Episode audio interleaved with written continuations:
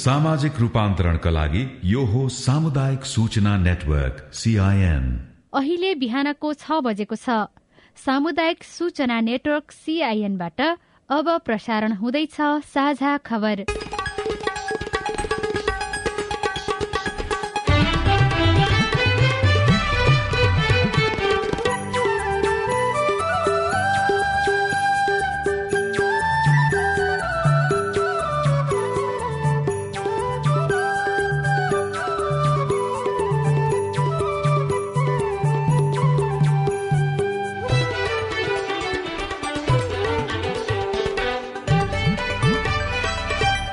शुभ प्रभात यो सीआईएनको साझा खबर हो। उषा तामाङसँगै राजन रुचालको तपाईँलाई स्वागत छ। सामुदायिक रेडियोबाट देशैभरि एकैसाथ प्रसारण भइरहेको साझा खबर सीआईएन खबर डट कम र मोबाइल एप सीआईएनबाट पनि सुन्न सकिन्छ।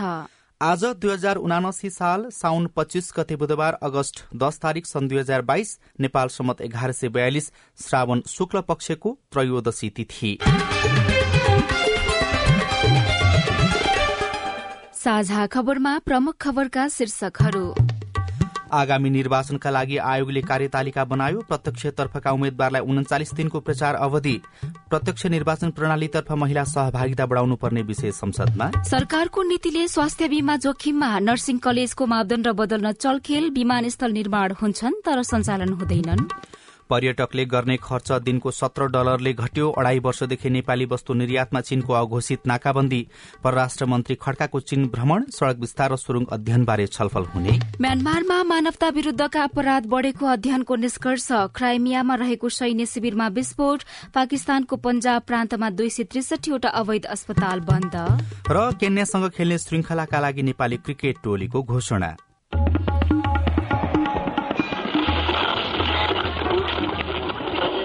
सयौं रेडियो।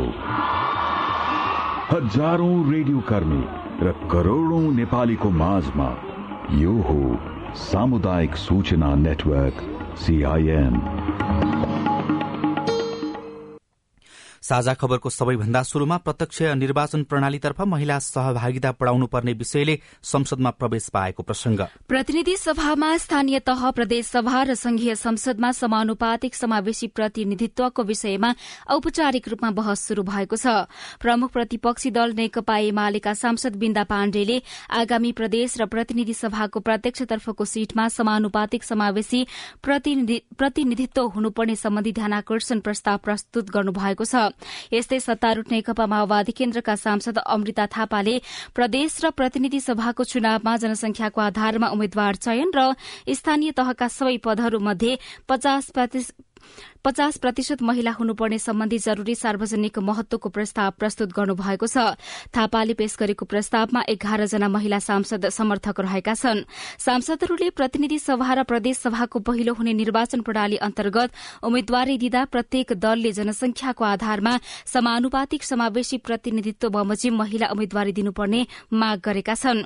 प्रत्यक्षमा पुरूष र समानुपातिकमा महिला मात्र निर्वाचित हुने जस्तो प्रवृत्ति देखा परेको भन्दै यसबारेमा सरकारको ध्यान आकर्षण गराइएको हो। सांसदहरूको कुरा सुनिसकेपछि बैठकमा कानून न्याय तथा संसदीय मामिला मन्त्री गोविन्द कोइराला बन्दीले सरकारले सन् दुई हजार तीससम्ममा संघीय संसदमा चालिस प्रतिशत प्रदेशसभामा बयालिस प्रतिशत महिला प्रतिनिधित्व गराउने लक्ष्य प्राप्तिका लागि प्रतिबद्ध रहेको बताउनुभयो। यो जुन प्रस्ताव अगाडि आएको छ यो पोलिटिकल पार्टिसिपेसन इन्स्योर गर्ने एकदम राम्रो छ। यसको साथमा अरू कम्प्रिहेन्सिभ रूपमा लिएर आएर पार्टिसिपेसनलाई कन्स्टिट्युसनको बिगर अब्जेक्टिभसँग टाइ अप गर्दै त्यो क्षेत्रमा गर्नुपर्ने सुधार सहितको हामी यसमा अगाडि बढ्न गयौँ भने राम्रो हुन्छ र यसको निम्ति सरकार सकारात्मक छ। यहाँ उठाइएका विषयमध्ये तीनवटा विषयमा फरक फरक मान्यजीहरूको धारणा आयो। म खासै यसमा अहिले केही ओपिनियन भन्न चाहन्न। निर्वाचनको लागि हामी गएको छौँ र कानून संशोधनको निर्वाचन आयोगले गरिरहेको प्रयास हामी अरू केही कानूनहरू पनि अझै पार्लियामेन्टमा ल्याउँछौँ र यो पार्लियामेन्ट चल्छ। यो पार्लियामेन्टले अझै थुप्रै कानूनहरू बनाउनु बाँकी छ। यो पार्लियामेन्ट चल्ने भएको हुनाले सम्भव हुने चिजहरू फेला पर्यो आयो र त्यसले सुधार गर्ने भयो भने सरकार अहिले पनि त्यसलाई अगाडि बढाउन तयार छ। संविधानले हरेक निकायमा समानुपातिक सहभागिताको सुनिश्चितता गरेको छ। राजनैतिक दलहरूले पनि निर्वाचनको समयमा जारी गरेका घोषणा पत्रहरूमा लैंगिक समावेशीकरण पार्टीको सबै तहमा महिलाहरूको कम्तीमा तेत्तीस प्रतिशत सहभागिताको सुनिश्चितता महिलाभित्रको विविधतालाई सम्बोधन गर्ने प्रतिबद्धता गर्छन् तर कार्यान्वयन भने हुँदैन। यसमा महिला सांसद किन मौन छन्? महिला दलित जनजाति अपाङ्गता भएका व्यक्ति लगायत पछाडि पारिएका समुदायलाई राज्यको हरेक तहमा समान पहुँच पुर्याउन नीतिगत रूपमै पहल थालिएको लामो समय भयो। संविधानको मर्मले पनि समानुपातिक र समावेशिताको वकालत गर्छ। तर लैंगिक समानताको विषयमा महिला र पुरूषको मात्रै सवाल उठाइने यौनिक तथा लैंगिक अल्पसंख्यक समुदायका उमिसा पाण्डेको भनाइ छ। संसदमा लेखिएका कति कुराहरू छन् तर खै कहाँ गएर अड्केको छ लागू छैन अहिलेसम्म पनि। लैंगिक विभेद र हिंसालाई नेपालको संविधानले दण्डनीय मानेको छ र सजायको व्यवस्था समेत गरेको छ। तर राष्ट्रिय महिला आयोगमा दिनहुँ चालिसदेखि पचासवटा हिंसाका उजुरी दर्ता हुने गरेको छ। यसो हुनुको पछाडि लैंगिक असमानता रहेको आयोगका प्रवक्ता चमिला भट्टराई बताउनुहुन्छ। चरित्र हत्या गर्ने आर्थिक यातना अब विवाह दर्ता पनि नगरिदिने अनि त्यसपछि नागरिकता पनि नबनाइदिने। र यस्तो खालको चाहिँ हाम्रोमा धेरै केसहरू आउँछन्। राजनीतिक दलहरूको नेतृत्व तहमा होस् या राज्यका अन्य कुनै सार्वजनिक निकायमा निकै कम महिलाहरूले मात्रै नेतृत्वमा अवसर पाउने गरेका छन्। नीति निर्माण गर्ने निकायको नेतृत्वमा महिला सहभागिता न्यून रहेको छ। तर महिला सांसदहरूले समानुपातिक सहभागिताको सुनिश्चितताको लागि पहल शुरूआत गरेको बताएका छन्। सांसद अञ्जना विसुङ्खे साझा रूपमा चाहिँ पचास प्रतिशत महिलाहरूलाई दिनुपर्छ भनेर आज पनि हामीले आवाज उठाएका छौँ र हामीले हाम्रो पार्टीभित्र पनि हामीले चाहिँ त्यो पचास प्रतिशत भित्र पनि फेरि एउटै समुदायको महिला होइन त्यो लैङ्गिकताको हैसियतले पनि र जात जातिको हैसियतले पनि क्षेत्रको हैसियतले पनि प्राप्त गर्न पाउनुपर्छ भनेर संसदमा बहस पनि छलफल पनि भएको छ। सामाजिक न्यायमा आधारित संघीय लोकतान्त्रिक गणतन्त्र नेपाललाई संस्थागत गर्नका लागि महिलाको राजनैतिक सहभागिता अपरिहार्य छ। आगामी निर्वाचनमा प्रत्यक्षतर्फको उम्मेद्वारीमा महिलाको पचास प्रतिशत सहभागिताको लागि संसदमा सार्वजनिक महत्वको प्रस्ताव पेश गरिएको सांसद बिन्दा पाण्डे बताउनुहुन्छ। कानूनको मस्यौदा गरिरहेको चाहिँ निर्वाचन आयोगले त्यसलाई सिरियसली लिनुपर्छ र त्यो मस्यौदामा चाहिँ उहाँहरूले राखेर त्यसपछि मात्रै सरकारलाई त्यो बुझाउनुपर्छ भन्ने खालको पहलमा हामी सम्भवतः एक दुई दिनभित्र फेरि पनि सबै दलका चाहिँ नि साथीहरू मिलेर हामी निर्वाचन आयोगमा पनि जान्छौँ होला। समानुपातिक सहभागिताको लागि कानून निर्माण तहमै दबाव दिन महिला सांसदहरूको भूमिका अहम रहन्छ। तर संसदमा यो मुद्दामा बहस चुलिए पनि ठोस कदम नचालिएको उनीहरू बताउँछन्। सुशीला श्रेष्ठ सीआईएन काठमाडौँ। फेरि पनि संसदकै प्रसंग संसदले यही कार्यकालमा पारित गर्नुपर्ने उनापचासवटा विधेयक पारित हुने सम्भावना कम हुँदै गएको छ। संसदमा पाँच वर्षको अवधिमा दर्ता भएका एक सय बाहन्नवटा विधेयक मध्ये बयानब्बेवटा पारित भएका छन्। जसमध्ये सतासीवटा विधेयक प्रमाणीकरण भएर ऐनको रूपमा आइसकेका छन् भने पाँचवटा प्रमाणीकरणको चरणमा छन्। एघारवटा विधेयक फिर्ता भएका छन्। उनापचासवटा विधेयक भने निष्क्रिय भएर शून्यमा पुग्ने अवस्था रहेको सीआईएनसँग कुरा गर्दै संसद सचिवालय सचिवालयका सहप्रवक्ता दशरथ धमलाले बताउनुभयो। यदि दलहरूबीच सहमति भयो र सरकारले चासो दियो सम्बन्धित मन्त्रीले आफ्ना विधेयकहरू छिटो पारित गराउन पहल कदमी लिनुभयो भने केही विधेयकहरू पारित हुने सम्भावना हुन्छ। नत्र विचारधीन भएका विधेयकहरू मध्ये पनि धेरै विधेयकहरू चाहिँ पारित नहुने अवस्था अथवा संघीय संसदका दुवै सभाबाट पारित भएर प्रमाणीकरण हुने अवस्था चाहिँ कम देखिन्छ। निर्वाचन आयोगले आगामी मंगिर चारका लागि तय भएको प्रतिनिधि सभा र प्रदेशसभा निर्वाचनको कार्यतालिका तयार पारेको छ। आन्तरिक गृह कार्यका लागि भन्दै आयोगले गत आइतबार नै निर्वाचन कार्यतालिका स्वीकृत गरे पनि सार्वजनिक भने गरिसकेको छैन। चेकलिस्ट बनाएका छौं आवश्यकता अनुसार फेरबदल हुन्छ। अहिले आन्तरिक प्रयोजनका लागि कार्यतालिका बनाइएको हो आयोगका सूचना अधिकारी सूर्य प्रसाद अरियालले सीआईएनसँग भन्नुभयो।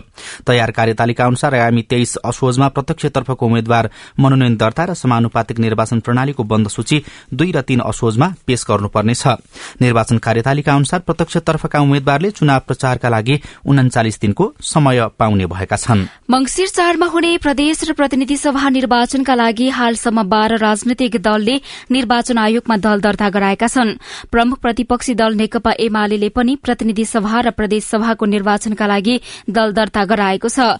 मंगिर चार गते हुने निर्वाचनको लागि एमाले हिजो निर्वाचन आयोगमा पुगेर दल दर्ता गराएको हो। दल दर्ताका लागि एमाले उपाध्यक्ष युवराज गेवाली महासचिव शंकर पोखरेल उपमहासचिव द्वय प्रदीप गेवाली र विष्णु रिमाल सचिव गोकर्ण विष्ट स्थायी कमिटी सदस्य डाक्टर राजन भट्टराई र कृष्ण गोपाल श्रेष्ठ लगायतका नेताहरू आयोग पुग्नु भएको थियो। त्यसक्रममा पत्रकारले गरेको प्रश्नमा एमाले महासचिव शंकर पोखरेलले प्रदेशसभा र प्रतिनिधि सभा निर्वाचनमा गठबन्धन गर्ने सत्तारूढ़ दलको निर्णय अराजनैतिक भएको टिप्पणी गर्नुभयो। कहिलेकाहीँ जनताले दिएको म्यान्डेटमा कुनै दल विशेषले बहुमत ल्याउन सकेन भने सरकार निर्माणका समयमा गठबन्धन गर्ने चलन दुनियाँको लोकतन्त्रमा पाइन्छ। तर चुनावमै गठबन्धन गर्ने कुरा भनेको चाहिँ अराजनैतिक कुरा हो। एक प्रकारले आफ्ना नीतिमाथि विश्वास र भरोसा नहुने कुरा हो। त्यो कुराप्रति नेकपा एमाले सहमत छैन नेकपा एमाले आफ्नो नीतिका आधारमा अगाडि बढ्छ त्यो नीतिप्रति सहमत हुनेहरूसँग तालमेल गर्छ। आफ्नो नीतिलाई छोडेर कुनै प्रकारको गठबन्धनका पक्षमा नेकपा एमाले छैन। तर सत्तारूढ़ गठबन्धन भने सम्मानित तालमेलको पक्षमा देखिएको छ। नेकपा एकीकृत समाजवादीका सम्मानित नेता झलनाथ खनालले सबै पार्टीको सम्मान हुने गरी तालमेल गर्नुपर्ने बताउनु भएको छ। संसद भवन बाहिर हिजो पत्रकारहरूसँग कुराकानी गर्दै नेता खनालले दुई हजार चौहत्तरको निर्वाचन गएको स्थानीय तहको निर्वाचन लगायतलाई आधार मान्दै सबै दललाई स्वीकार्य हुने गरी गठबन्धन गर्नुपर्ने बताउनुभयो। तालमेल गर्दाखेरि प्रत्येक पार्टीको आफ्नो हैसियत हुन्छ। अब विगतका आधारहरू पनि छन् चौहत्तरको चुनावको आधार पनि छ भर्खरै सम्पन्न भएको स्थानीय तहको निर्वाचनको आधार पनि छ। यी सबै आधारहरूमाथि उभिएर सबैलाई सम्मान हुने ढङ्गले हामीले चाहिँ नि तालमेल गर्नुपर्ने हुन्छ। कसैले अपमान फिल गर्यो भने पनि तालमेलमा आउँदैन। त्यसकारण सबैलाई सम्मान हुने खालको तालमेलको एउटा चाहिँ बुटी पत्ता लगाउनु पर्यो। यसैबीच नेपाल समाजवादी पार्टीका अध्यक्षद्वय बाबुराम भट्टराई र महेन्द्र राय यादवले गठबन्धनको विषयमा हिजो प्रधानमन्त्री शेरबहादुर देउवासँग भेटवार्ता गर्नुभएको छ। भेटवार्ताका क्रममा समसामयिक राजनैतिक विषय गठबन्धन चुनावी तालमेल लगायतका विषयमा छलफल भएको बताइएको छ।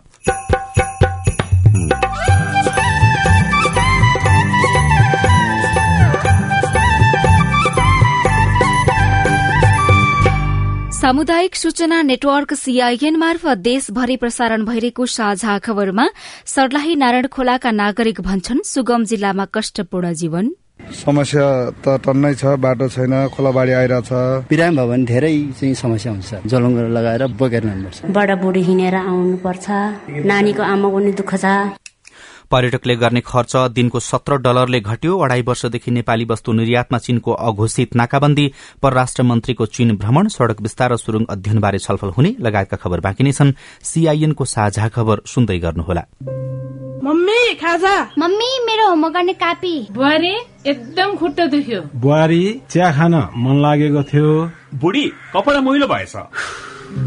अरे मेरो परिवार भर्खरै सुनेको संवाद तपाईँलाई कस्तो लाग्यो? यही संवादलाई फेरि एकपटक यसरी सुनौ न है। मम्मी खाजा आज म बनाउँछु। मिठो बनाउँछु है।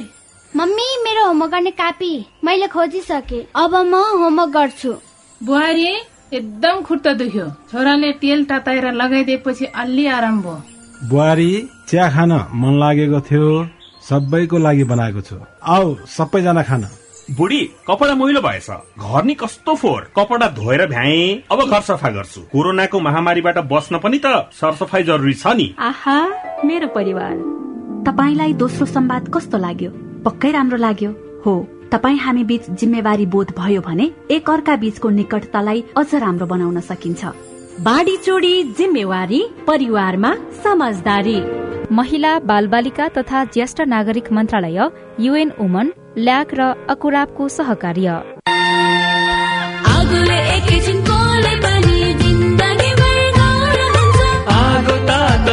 बिजुली प्रयोग गर्दा होस् गर्नुपर्छ। सुटीले छोपी लानु पर्छ बिरामीलाई स्वास्थ्य चौकी। नानी होस् गरी चलाउ स्टोभ ग्यास भुइँमा बढ्छ अग्निजन्य दुर्घटना भएमा शून्य एक पचपन्न पचपन्न छ आठ नौमा सम्पर्क गर्नुहोस्। बिबिएस नेपाल ललितपुर। सामाजिक रूपान्तरणका लागि यो हो सामुदायिक सूचना नेटवर्क सीआईएन तपाईँ अहिले देशभरिका सामुदायिक radio CIN Khabar dot com र मोबाइल एप सीआईएनबाट एकैसाथ साझा खबर सुन्दै हुनुहुन्छ। अब आज काठमाडौँबाट प्रकाशित पत्र पत्रिकाको खबर। नयाँ पत्रिका दैनिकको पहिलो पृष्ठमा छापिएको जोखिममा स्वास्थ्य बीमा शीर्षकको खबर रहेको छ। यो खबरलाई मुना कुंवरले लेख्नु भएको हो। स्वास्थ्यमा नागरिकको पहुँच संवैधानिक अधिकार हो। यसकै सुनिश्चितता बढ़ाउन सरकारले सामाजिक सुरक्षा कार्यक्रम अन्तर्गत बोर्ड नै गठन गरेर स्वास्थ्य बीमा सञ्चालनमा ल्याएको छ। तर यो कार्यक्रम निजी बीमा कम्पनी मातहत लैजाने सरकारको घोषणाले नागरिक स्वास्थ्य पहुँचबाट वञ्चित हुने जोखिम बढ़ेको छ।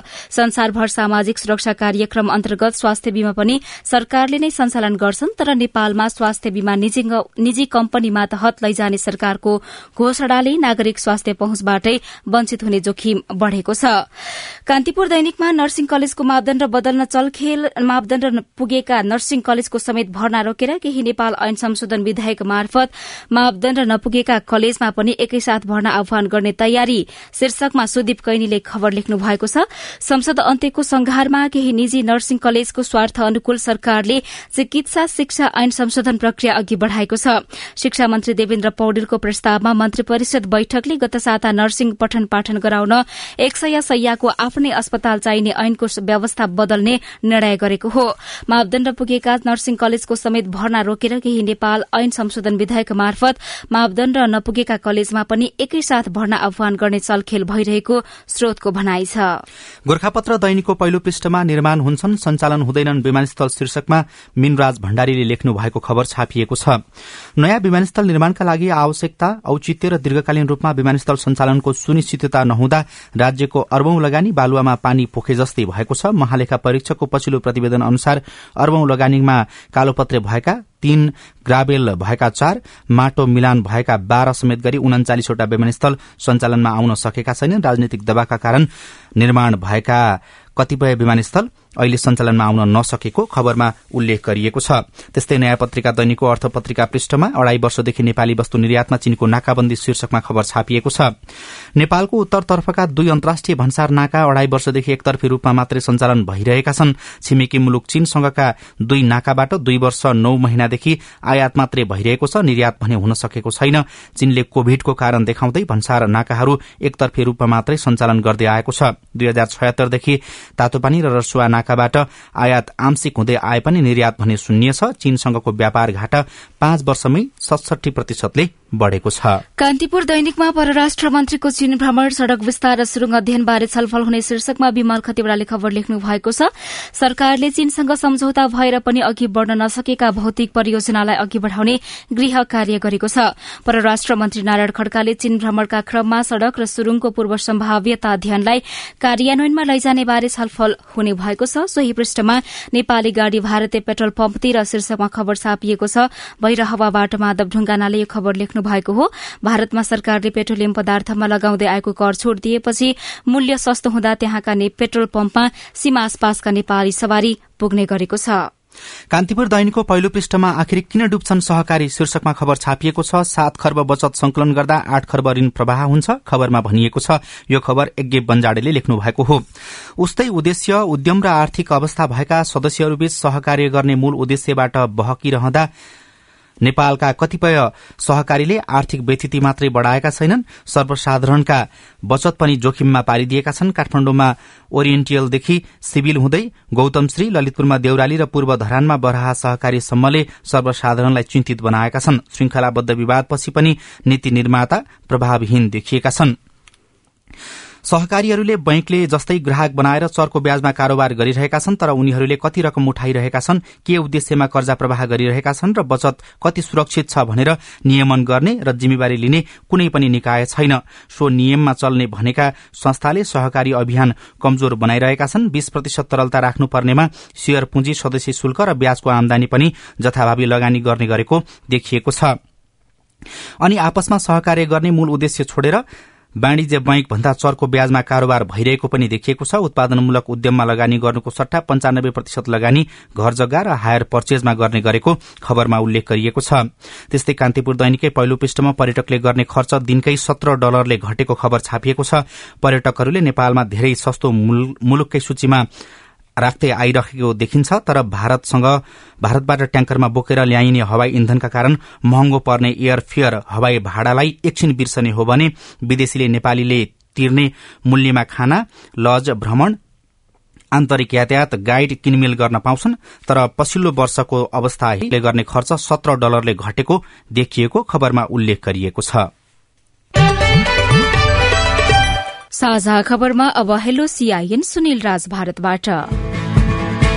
आजको हेलो सीआईएनमा हामी लोकसेवा आयोगसँग सम्बन्धित प्रश्नहरू समेट्दैछौ जसको जवाफ दिँदै हुनुहुन्छ लोकसेवा आयोगका सूचना अधिकारी देवी प्रसाद सुवेदी। म रौतहटको माधव नारायण नगरपालिका वडा नम्बर सातबाट रञ्जित महतो बोल्दैछु। लोक सेवा आयोगले विक्रम सम्बन्ध दुई हजार अठहत्तर साल असोज तेह्र गते लिइएको प्राविधिक सहायकको परीक्षा तर्फको शिक्षा प्रशासन समूह पाँचौं पदको हालसम्म रिजल्ट प्रकाशित भएको छैन। यसको रिजल्ट कहिलेसम्ममा प्रकाशित हुन्छ? प्राविधिक सहायक लगायत अरू प्राविधिक तर्फका नासु सरहका पदहरूको परीक्षण कार्य क्रमशः भइरहेछ। अब हामी क्रमशः नतिजा निकाल्छौँ। नतिजा कहिले निस्किन्छ भन्ने कुरा गोप्य रूपमा काम हुने हुनाले मलाई पनि जानकारी हुँदैन। दिनको एकपटक वेबसाइट हेर्नु होला। नतिजा क्रमशः आउँदैछ। केही कारणले रोकिएको छैन। नमस्कार मेरो नाम चाहिँ दिपक हेरी मेरो घर सल्यान नेपाल प्रहरीको मैले इक्जाम दिएको थिएँ। इक्जाम दिएको पनि आठ नौ महिना भइसक्यो। अहिलेसम्म सार्वजनिक भएको छैन। साउन महिनामा सार्वजनिक हुन्छ भनेको भएको छैन किन? नेपाल प्रहरीका विभिन्न पदहरूको अहिले नतिजा निकाल्ने कार्य क्रमशः पद अनुसार हुँदैछ। अब जवान र तत्त्वभन्दा माथिल्लो पदको अहिले परीक्षणको कार्य भइरहेको छ। परीक्षण सकिँदा बित्तिकै आइहाल्छ। एकदम युद्ध स्तरमा नतिजा निकाल्नको लागि प्रयत्न भइरहेछ कपी जाँच्ने काममै ढिलाइ भएको हुनाले यो भएको अनि कञ्चनपुरका विमला पाण्डेको प्रश्न छ लोकसेवा आयोगले नयाँ आर्थिक वर्षको वार्षिक कार्यतालिकामा स्वास्थ्य सेवा तर्फको कुन कुन समूहमा आवेदन खोलाउने भएको छ? हाम्रो वार्षिक कार्यतालिकामा सबै हुन्छ। तर कुन पदको लागि विज्ञापन हुन्छ भन्ने कुरा हाम्रो वार्षिक कार्यतालिका अनुसारको महिनामा सामान्य प्रशासन मन्त्रालयले माग पठाएपछि हुन्छ। उदाहरणको लागि गत वर्ष हामीले वार्षिक कार्यतालिकामा एमबिबिएस डक्टरहरूको लागि राख्यौँ तर माग आउँदै आएन। त्यसो त्यो विज्ञापन गर्ने कुरा भएन। त्यसो हुनाले वार्षिक कार्यतालिकामा सबै पदहरूको लागि छ तर स्वास्थ्यले स्वास्थ्य सम्बन्धी पदहरूको जुन जुन माग पठाउँछ विज्ञापन गरिदिनुहोस् भनेर त्यही त्यही हामी प्रकाशन गर्छौँ। त्यस्तो कुरा। तपाईँ जुनसुकै बेला हाम्रो टेलिफोन नम्बर शून्य एक बाहन्न साठी छ चार छमा फोन गरेर आफ्ना विचार प्रतिक्रिया गुनासा तथा प्रश्न रेकर्ड गर्न सक्नुहुनेछ। साझा खबरमा अब विदेशका खबर म्यानमारमा मानवता विरूद्धका अपराधमा अकल्पनीय वृद्धि भएको पाइएको छ। व्यवस्थित रूपमा भइरहेका त्यस्ता अपराधले महिला र बालबालिकालाई गम्भीर असर पारेको म्यानमारको स्वतन्त्र अनुसन्धान संयन्त्रले गरेको अध्ययनले देखाएको छ। करिब दुई सय स्रोतबाट संकलन गरिएको तीस लाख भन्दा बढ़ी सूचनालाई समेटेर तयार गरिएको राष्ट्र संघीय वार्षिक प्रतिवेदनमा बलात्कार तथा अन्य प्रकारका यौन हिंसा लगायत यौन र लैंगिक अपराध र बालबालिका विरूद्धका अपराधहरू सुरक्षा बल र सशस्त्र समूहका सदस्यले गरेको देखाइएको छ। क्रिमियामा रहेको सैनिक शिविरमा भएको विस्फोटमा एकजनाको मृत्यु भएको छ र उसले नियुक्त गरेको क्षेत्रीय प्रशासनमा प्रशासनका प्रमुख स्वर्गीय अस्कुनोभले विस्फोट प्रायद्वीपको पश्चिमी तटमा नोभो फेदोरिभ नजिकै रहेको साकी सैन्य आधारमा भएको बताउनु भएको छ। रूसको रक्षा मन्त्रालयले पछि विस्फोट भएको बताएको थियो तर यसको भने स्वतन्त्र रूपमा पुष्टि भएको छैन। कम्तीमा बाह्रवटा विस्फोटको आवाज सुनेको प्रत्यक्षदर्शीले बताएका समाचार संस्था रोइटर्सले जनाएको छ। र पाकिस्तानको पंजाब प्रान्तमा दुई सय त्रिसठीवटा अवैध अस्पतालहरू बन्द गराइएको छ। पंजाब प्रान्तको जनस्वास्थ्य आयोगले गत महिनामा प्रान्तमा एघार जिल्लामा गैर कानूनी रूपमा सञ्चालित दुई सय त्रिसठीवटा अस्पताल बन्द गरिएको समाचार संस्था एनएनआईले जनाएको छ। साझा खबरमा अब खेल खबर। यसै महिनाको अन्तिम सातादेखि केन्यासँग हुने ट्वेन्टी ट्वेन्टी र एक दिवसीय क्रिकेट श्रृंखलाका लागि नेपाल क्रिकेट संघ क्यानले अनुभवी ज्ञानेन्द्र मल्ल र क्षमतावान युवा ब्याट्सम्यान अर्जुन साहुदसहित सोह्र सदस्यीय नेपाली टोली घोषणा गरेको छ। नेपालले केन्यासँग आगामी अगस्त पच्चीसदेखि तीससम्म नैरोबीमा पाँच खेलको ट्वेन्टी ट्वेन्टी क्रिकेट खेल्दैछ। त्यसको दुई दिनपछि नै नेपालले घरेलु टोलीसँग सेप्टेम्बर दुईदेखि पाँचसम्म तीनवटा एक दिवसीय क्रिकेट श्रृंखला खेल्ने तय भएको छ। सर्लाहीको नारायण खोला विकासको नजरबाट छुटेको गाउँ। रेडियो रिपोर्ट अरू खबर र कार्टुन पनि बाँकी नै छ। सीआईएनको साझा खबर सुन्दै गर्नुहोला।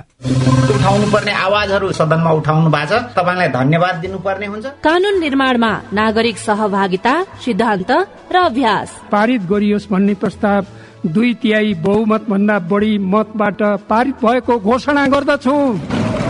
कानून कार्यान्वयनमा सांसद र संसदको जवाफदेहिता। र जिल्लाको र समग्र मुलुकका चाहिँ सवालहरूलाई संसदमा उठाउने सवालहरूमा म आफूले सशक्त ढंगले भूमिका खेले भन्ने लाग्छ? संसदीय प्रक्रियामा जनता र सरकारवाला निकायको नजर। युवाको क्षेत्रमा त्यति धेरै काम भएको छैन। युवालाई चाहिँ ओजरमै राखेर अहिले काम भइरहेको छ। युवाहरूलाई चाहिँ रोजगारीमा जोड्नुपर्छ भनेर अहिले केही कार्यक्रमहरू पनि सञ्चालन गरेका छौँ। जनतादेखि नेतासम्म नीतिदेखि नेतृत्वसम्म युवा सीमान्तकृत वर्ग जाति अल्पसंख्यकका सवालहरू। जनताको कुरा राख्ने ठाउँ संसदै हो। हामी कार्यपालिका होइन व्यवस्थापिका हो नीति निर्माण गर्ने हो। अब सवाल मात्रै होइन। जवाबसँगै देखिन्छ प्रभाव पनि। कार्यक्रम हेलो सांसद। सीआईएन मार्फत मुलुकभरका सामुदायिक रेडियोमा हरेक बिहिबार बेलुकाको साझा खबरमा र भोलिपल्ट शुक्रबार बिहान साढे छ बजे कार्यक्रम हेलो सांसद। सीआईएन को फेसबुक पेज र युट्युब च्यानलमा सांकेतिक भाषामा पनि हेर्न सक्नुहुनेछ। नेपाल टेलिकमको सूचनाको संसार। होइन के सुनेको यस्तो ध्यान दिएर दोहोरो बोलेको जस्तो नि देख्दिन। तिन दुई एक शून्य शून्य क्या? तिन दुई एक शून्य शून्य? के हो त्यो भने? बुझिन त। ल सुन एनटिसी प्रयोगकर्ताहरूले आफ्नो मोबाइल तथा ल्यान्डलाइनमा तिन दुई एक शून्य शून्य डायल गरी समाचार रेडियो कार्यक्रम खेल र अन्य विषय बारे सन्देशहरू जुनसुकै बेला निशुल्क सुन्न सक्छन्। ओहो निशुल्क? कस्तो सजिलो। समाचार सुन्न छुट्यो भनेर पिर लागेको थियो। अब त म पनि सुनिहाल्छु। कति रे? तिन दुई एक शून्य शून्य। सामाजिक रूपान्तरणका लागि यो हो सामुदायिक सूचना नेटवर्क सीआईएन साझा खबरमा अब सुगम जिल्लामा कष्टपूर्ण जीवनको प्रसंग। देशका अन्य भूभागको तुलनामा तराईका जिल्लालाई सुगम मानिन्छ तर त्यही सुगम मानिने तराईको सर्लाही जिल्लामा पर्ने नारायण खोलाका स्थानीय भने विकट पहाड़ी जिल्लाका बासिन्दाको जस्तै कष्टकरपूर्ण जीवन निर्वाह गर्न बाध्य भइरहेका छन्। साबिकको सिंगो नारायण खोला गाविस अहिले लालबन्दी नगरपालिका चौधमा पर्छ। सड़क नपुगेको नारायण खोलाबाट नगरपालिकाको केन्द्र लालबन्दी बजारसम्म आउन खोलाको बगर प्रयोग गर्नुपर्छ। दुधे बालक च्यापेर बाल पोषण भत्ता नवीकरण गर्न नारायण खोला कपासेदेखि चार घण्टा बढी पैदल हिँडेर लालबन्दी स्थित ओडा कार्यालय आउनुभएका सोममाया वाइवा। सबै समस्या छ नि बुढी हिँडेर आउनुपर्छ। दुःख छ। नानीको आमाको नि दुःख छ। हिँडेर आउनुपर्छ। खोला बाढी आउँछ। बाटो राम्रो छैन। चार पाँच घन्टा लाग्छ। वाइवा मात्रै होइन। अहिले नारायण खोलाका प्रत्येक ज्येष्ठ नागरिक अपाङ्गता भएका व्यक्ति अशक्त लगायत सामाजिक सुरक्षा भत्ता नवीकरण गर्न चारदेखि पाँच घण्टासम्म खोलाको बगरमा पैदल हिँडेर ओडा कार्यालय आउनुपर्छ। त्यसरी हिँडेर आउँदा बाढ़ी आएर बगाउने डर पनि हुन्छ। लालबन्दी बजारदेखि पत्थरकोटसम्म सड़क पुगे पनि त्यहाँबाट उत्तर नारायण खोलासम्म जान खोलाको बगर प्रयोग गर्नुपर्छ। हिउँदमा त्यही खोलाको बगरबाटै बस चले पनि बर्खा लागेपछि अवरूद्ध हुँदा खाद्यान्न अभावदेखि औषधि उपचार गर्न समस्या हुने गरेको नारायण खोला पन्ध्र बिघाका लालबहादुर पाखरेन गुनासो गर्नुहुन्छ। बिराम भयो भने धेरै चाहिँ समस्या हुन्छ। जलङ्गर लगाएर बोकेर लानुपर्छ चेचर पनि छैन त्यहाँ केही पनि छैन। सेवा सुविधा खास के छैन सर? हिउँदो मात्रै हो सर सेवा सुविधा। बर्खामा त त्यतिकै हो। अब हिउँदामा चाहिँ गाडी चल्छ एम्बुलेन्स मान्छेमै पुग्छ। त्यहाँ अब बत्ती बलेको छैन रोड छैन बर्खा बेला। नारायण खोलावासीलाई खाद्यान्न किन्न र गाउँमा फलेका कृषि उपज बेच्न बजार आउजाउका लागि पनि समस्या छ। जेठ दोस्रो सातादेखि त्यहाँ गाडी चलेका छैनन्। नारायण खोलाका वडा अध्यक्ष छेनाम सिंह घिसिङ। समस्या त टन्नै छ बाटो छैन खोला बाढी आइरहेछ। यातायात भने उहाँ जेठदेखि नै बन्द भएर छ जेठको आठ नौ गतिदेखि नै होइन? उतातिर मकै हुन्छ अलिकति बढी त्यो मकै बेच्नु ल्याउने। अहिले चाहिँ फलफुल तामाहरू तरकारी तामा कटरहरू भुइँकटरहरू यस्तोहरू बोकेर आउँछ। अनि त्यो बोकेर आएको पैसा पाँच सात सय हजार हो। त्यो बेचेर फेरि यहाँबाट नि भारी बोकेरै लानु पर्यो। बर्खामा नुन सकिया हुन्छ चामल सकिया हुन्छ। भने बेलामा अस्ति हिउँदोमा लगाएर राख्नलाई सबैसँग पैसा हुन्छ भन्ने छैन। हजार रुपियाँ कमाएर पाँच सय खर्च गरेर बाँच्ने जिन्दगी पनि त्यो ठाउँमा थुप्रैको छ। खोलाको बगर बाहेक ठुल्ठुला चुरिएको डाँडा पाखा मात्रै भएको भौगोलिक रूपले विकट नारायण खोलामा सड़क पुर्याउन प्रभावकारी पहल हुन सकेको छैन। तर ओडा अध्यक्ष घिसिङ अबको पाँच वर्षभित्र ओडाको केन्द्र रहेको मोटर दोभानसम्म भए पनि सड़क पुर्याउन पहल भइरहेको बताउनुहुन्छ मोटामोटी पाँच वर्षभित्र बाटो चाहिँ हामीले चौध नम्बरको वडा कार्यालयसम्म भनौँ न मोटर दोकानसम्म बाह्रै महिना गाडी कुद्ने गरी बाटो बनाउने चाहिँ एकदम अपेक्षा धेरै आफ्नो आशा गरिरहेको छु। गर्नु सकिन्छ भन्ने एउटा पाटो राखेको छु मैले। सड़क नभएको गाउँमा इन्टरनेट नपुगेको फोटोकपी गर्ने ठाउँ नरहेको जस्ता कारण देखाउँदै नारायण खोलाका जनप्रतिनिधि र ओडा सचिव लालबन्दी बजारमै ओडा कार्यालय सञ्चालन गरेर बसिरहेका छन्। गाउँमा रहेको स्वास्थ्य चौकी राम्रोसँग चलेको छैन। बाढ़ी आएर शिक्षक र विद्यार्थी विद्यालयसम्म पुग्न नसक्ने भएकाले पानी परेको दिन नारायण खोलाका विद्यालयहरू बन्द हुने गरेका छन्। Janarjan Khatri CIN radio Ekata Sarlahi. रिपोर्टसँगै हामी साझा खबरको अन्त्यमा आइपुगेका छौं। सामुदायिक रेडियो प्रसारक संघद्वारा संचालित सीआईएनको बिहान छ बजेको साझा खबर सक्नु अघि मुख्य मुख्य खबर फेरि एकपटक। आगामी निर्वाचनका लागि आयोगले कार्यतालिका बनायो। प्रत्यक्षतर्फका उम्मेद्वारलाई उन्चालिस दिन प्रचारको अवधि प्रत्यक्ष निर्वाचन प्रणालीतर्फ महिला सहभागिता बढ़ाउनुपर्ने विषय संसदमा।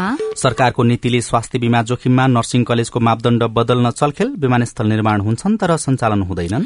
पर्यटकले गर्ने खर्च दिनको सत्र डलरले घट्यो। अढ़ाई वर्षदेखि नेपाली वस्तु निर्यातमा चीनको अघोषित नाकाबन्दी। परराष्ट्र मन्त्रीको चीन भ्रमण सड़क विस्तार र सुरुङ अध्ययनबारे छलफल हुने। म्यानमारमा मानवता विरूद्धमा अपराध बढ़ेको अध्ययनको निष्कर्ष पाकिस्तानको पंजाब प्रान्तमा दुई सय त्रिसठीवटा अवैध अस्पताल बन्द। र केन्यासँग खेल्ने श्रृंखलाका लागि नेपाली क्रिकेट टोलीको घोषणा। साझा खबरको अन्त्यमा कार्टुन लिएका छौं कान्तिपुर दैनिकबाट। अविनले बनाउनु भएको गजब छपा शीर्षकको कार्टुन रहेको छ। यहाँ पार्टी कार्यालय देखाइएको छ। केही नेताहरू जस्ता देखिने व्यक्ति छन्। चुनाव घोषणा भइसकेको छ। नेताहरू कताबाट उठ्ने भनेर बडो सकसमा परेका छन्। नेताहरूका लागि कुनै पनि निर्वाचन क्षेत्र सुरक्षित देखिएको छैन। अझ पछिल्लो समय सामाजिक सञ्जालमा पाका नेतालाई हराउने अभियान पनि चलिरहेको छ। त्यही कारणले पनि नेताहरू सुरक्षित ठानिराखेका छैनन्। त्यही कुरालाई व्यङ्ग्य गरिएको छ। यहाँ केही नेताहरू निर्वाचन क्षेत्र भनेर देखाइएको एउटा नक्सा हेरिरहेका छन् यताबाट उठ्ने कि त्यताबाट भनेर अन्यलमा छन् तल चाहिँ यस्तो लेखिएको छ। यहाँबाट उठ्यो भने कसैले चिन्दैन हारिहाल्छु। अनि यहाँबाट उठ्यो भने सबैले राम्ररी चिन्छन् जित्नै सकिन्न। गाह्रो पो परो त। हवस् त प्राविधिक साथी सुभाष पन्तलाई धन्यवाद। अहिलेलाई राजन रुचाल र उषा तामाङ विदा भयौं। तपाईँको आजको दिन शुभ होस्। नमस्कार। यसपछि देशभरिका सामुदायिक रेडियोबाट कार्यक्रम साझा पहल प्रसारण हुनेछ। सुन्ने प्रयास गर्नुहोला।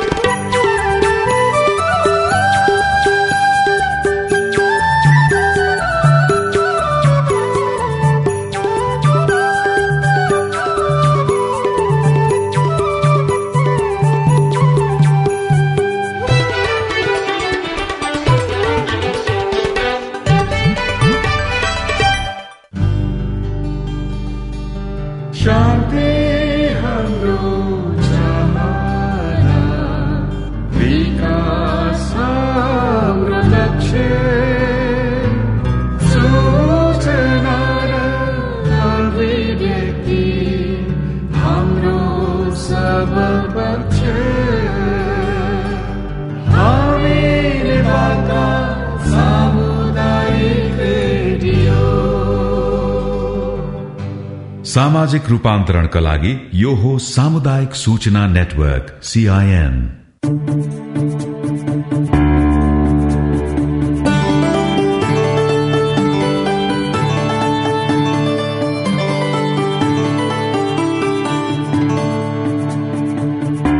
नमस्कार।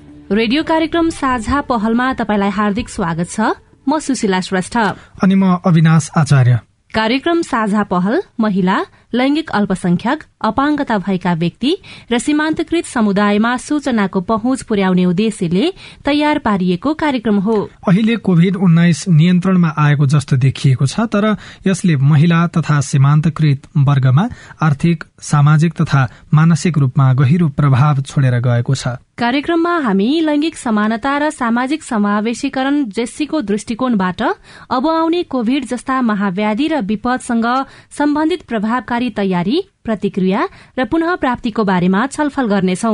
लैंगिक समानता र सामाजिक समावेशीकरण दृष्टिकोण भन्नाले हामी यस कार्यक्रममा महिला सीमान्तकृत वर्ग बाल बालिका ज्येष्ठ नागरिक अपाङ्गता भएका व्यक्ति एकल महिला लैंगिक अल्पसंख्यक विभिन्न प्रकारका हिंसाबाट प्रभावित भएका महिला तथा किशोरी दीर्घरोगी गर्भवती तथा सुत्केरीका सवालहरूलाई प्राथमिकता दिनेछौ। सँगै लैंगिक हिंसा तथा जातीय विभेद मानव बेचबिखनबाट प्रभावित भएका व्यक्तिहरू सामाजिक आर्थिक तथा नागरिक अधिकारबाट वञ्चित भएका व्यक्तिहरूको भोगाई उनीहरूका अपेक्षा पुनरुत्थानका लागि सरकारवालाले के गर्न सक्छन्? विज्ञ संघको परामर्श साथै सरकारका योजना लक्षित वर्गको पहुँच र कार्यान्वयनको अवस्थाबारे खोजी गर्नेछौ। साथै कोविड बारे फैलिएका अफवाहहरू भ्रम र गलत जानकारीलाई सम्बोधन गर्दै विज्ञ संघको सवाल जवाफ पनि प्रस्तुत गर्नेछौ। र सबैको पहुँचमा आवश्यक सूचना पुर्याउने प्रयत्न गर्नेछौ। युएन ओमनको सहयोगमा ल्याक नेपाल र अकुराबको साझेदारीमा उत्पादन गरिएको कार्यक्रम साझा पहल सीआईएन मार्फत सामुदायिक रेडियोबाट देशैभरि सीआईएन खबर डट कम र मोबाइल एप सीआईएनमा पनि चाहेको बेला तपाई विश्वभरि नै सुन्न सक्नुहुन्छ। साथै सीआईएनको फेसबुक पेजमा गएर सांकेतिक भाषामा हेर्न पनि सक्नुहुनेछ। कार्यक्रम साझा पहलमा आज हामी स्थानीय निकायले गरेका विपद सम्बन्धी सूचना प्रवाहीकरणमा महिला र सीमान्तकृत वर्गहरूको पहुँच महामारीको समयमा तथा महामारी पछिको समयमा योजना र बजेट निर्माणमा उनीहरूको पहुँचका विषयमा छलफल गर्नेछौ। साथै यही अन्तर्गत आर्थिक रूपमा पुनः प्राप्तिका लागि आवश्यक सिप स्रोत साधन र आर्थिक समावेशीकरण सम्बन्धी सवाललाई पनि समेट्नेछौ। कार्यक्रम साझा पहलको बीसौं भागमा आज हामी स्थानीय निकायले गरेका विपद सम्बन्धी सूचना प्रवाहीकरणमा महिला र सीमान्तकृत वर्गहरूको पहुँचको अवस्था कसरी सूचना प्रवाह गरिएको छ ती सूचना लक्षित वर्गसम्म पुर्याउन गरिएका प्रयास। दूरी काम गरेर चाहिँ बस्नुहोस् काम परे मात्रै हिँड्नुहोस् नै भने घरमै बस्नुहोस् भन्ने सूचना नगरपालिकाले बेला बेला गरिराख्नु भयो त्यति चाहिँ छलफलमा त्यति बोलाउनु भएन। महामारीको समय तथा महामारी पछिको समयमा योजना तथा बजेट निर्माणमा उनीहरूको सहभागिता र पहुँच के छ? मलाई लाग्छ यो विपद व्यवस्थापन सम्बन्धी जुनसुकै कार्यक्रम हुन्छ भने त्यसमा कुनै पनि अपाङ्गलाई सहभागिता गराउँदैन।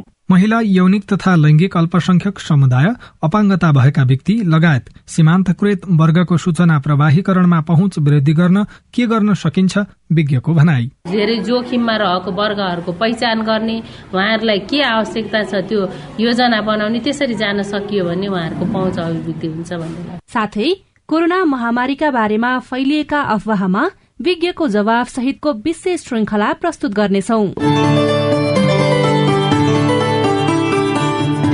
सूचनाको हक मानिसको जन्मसिद्ध मौलिक हक हो। जनताले तिरेको करबाट चल्ने सार्वजनिक निकायहरूका सेवा र सुविधा लगायत अन्य सूचनाको खोजी प्राप्ति र प्रवाहमा कुनै पनि अवरोध नभई त्यस्ता सूचनामा नागरिकको सहज पहुँच हुने स्थितिलाई नै सूचनाको हकको कार्यान्वयन भएको मानिन्छ। आफ्नो सरोकारको वा सार्वजनिक सरोकारका कुनै पनि विषयका सूचना मागेकै स्वरूपमा र चाहेकै समयमा पाउने हकलाई नेपालको संविधानले समेत आत्मसात गरेको छ।